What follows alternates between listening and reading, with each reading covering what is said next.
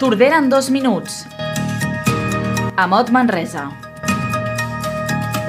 L'Ajuntament de Tordera ha arribat a un acord amb Endesa, l'empresa subministradora de servei elèctric, per investigar els fraudulents que punxen la llum. Es tracta d'un acord entre consistori i empresa que permet la col·laboració entre investigadors i policia local de Tordera. Ho explica l'alcalde Joan Carles Garcia.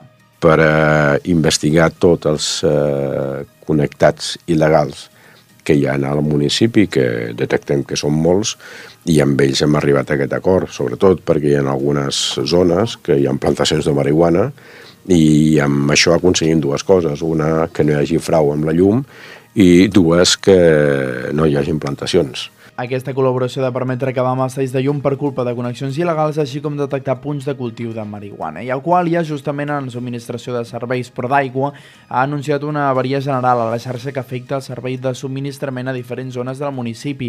L'avís ha estat donat a dos quarts de dotze de la nit, anunciant l'afectació de subministrament que hauria durat en la majoria de zones unes dues hores. Parlem de festes perquè la plec de Vallmanya torna a recuperar-se aquest any el dissabte 6 d'agost a partir de dos quarts de dotze de la matí l'ermita amb cantada d'habaneres, missa i la tradicional batallada, posteriorment dinar al restaurant Les Ferreres. També festa major a Jalpí. Aquest cap de setmana començarà aquest dissabte 6 i s'allargarà fins dilluns 8 de juliol. Ho explica la vocal de l'Associació de Veïns, Anna Torrent. Que sí que tothom qui vulgui està convidat a venir a disfrutar de la festa major de Jalpí, que per sort aquest any podem i volem disfrutar-la. Tres jornades de celebració. N'hi haurà una, i és aquest també dissabte, és a Ursavinyà, una jornada de mites i agendes a partir de les 5 de la tarda amb una ruta fins a la taula de les bruixes, on en Dani Rangil explicarà històries sobre les fatilleres de la zona i el Bucarrot. Posteriorment, l'Associació Astronòmica Castor ens permetrà veure les estrelles. I Oncolliga, aquest dissabte també a les 9 de la nit,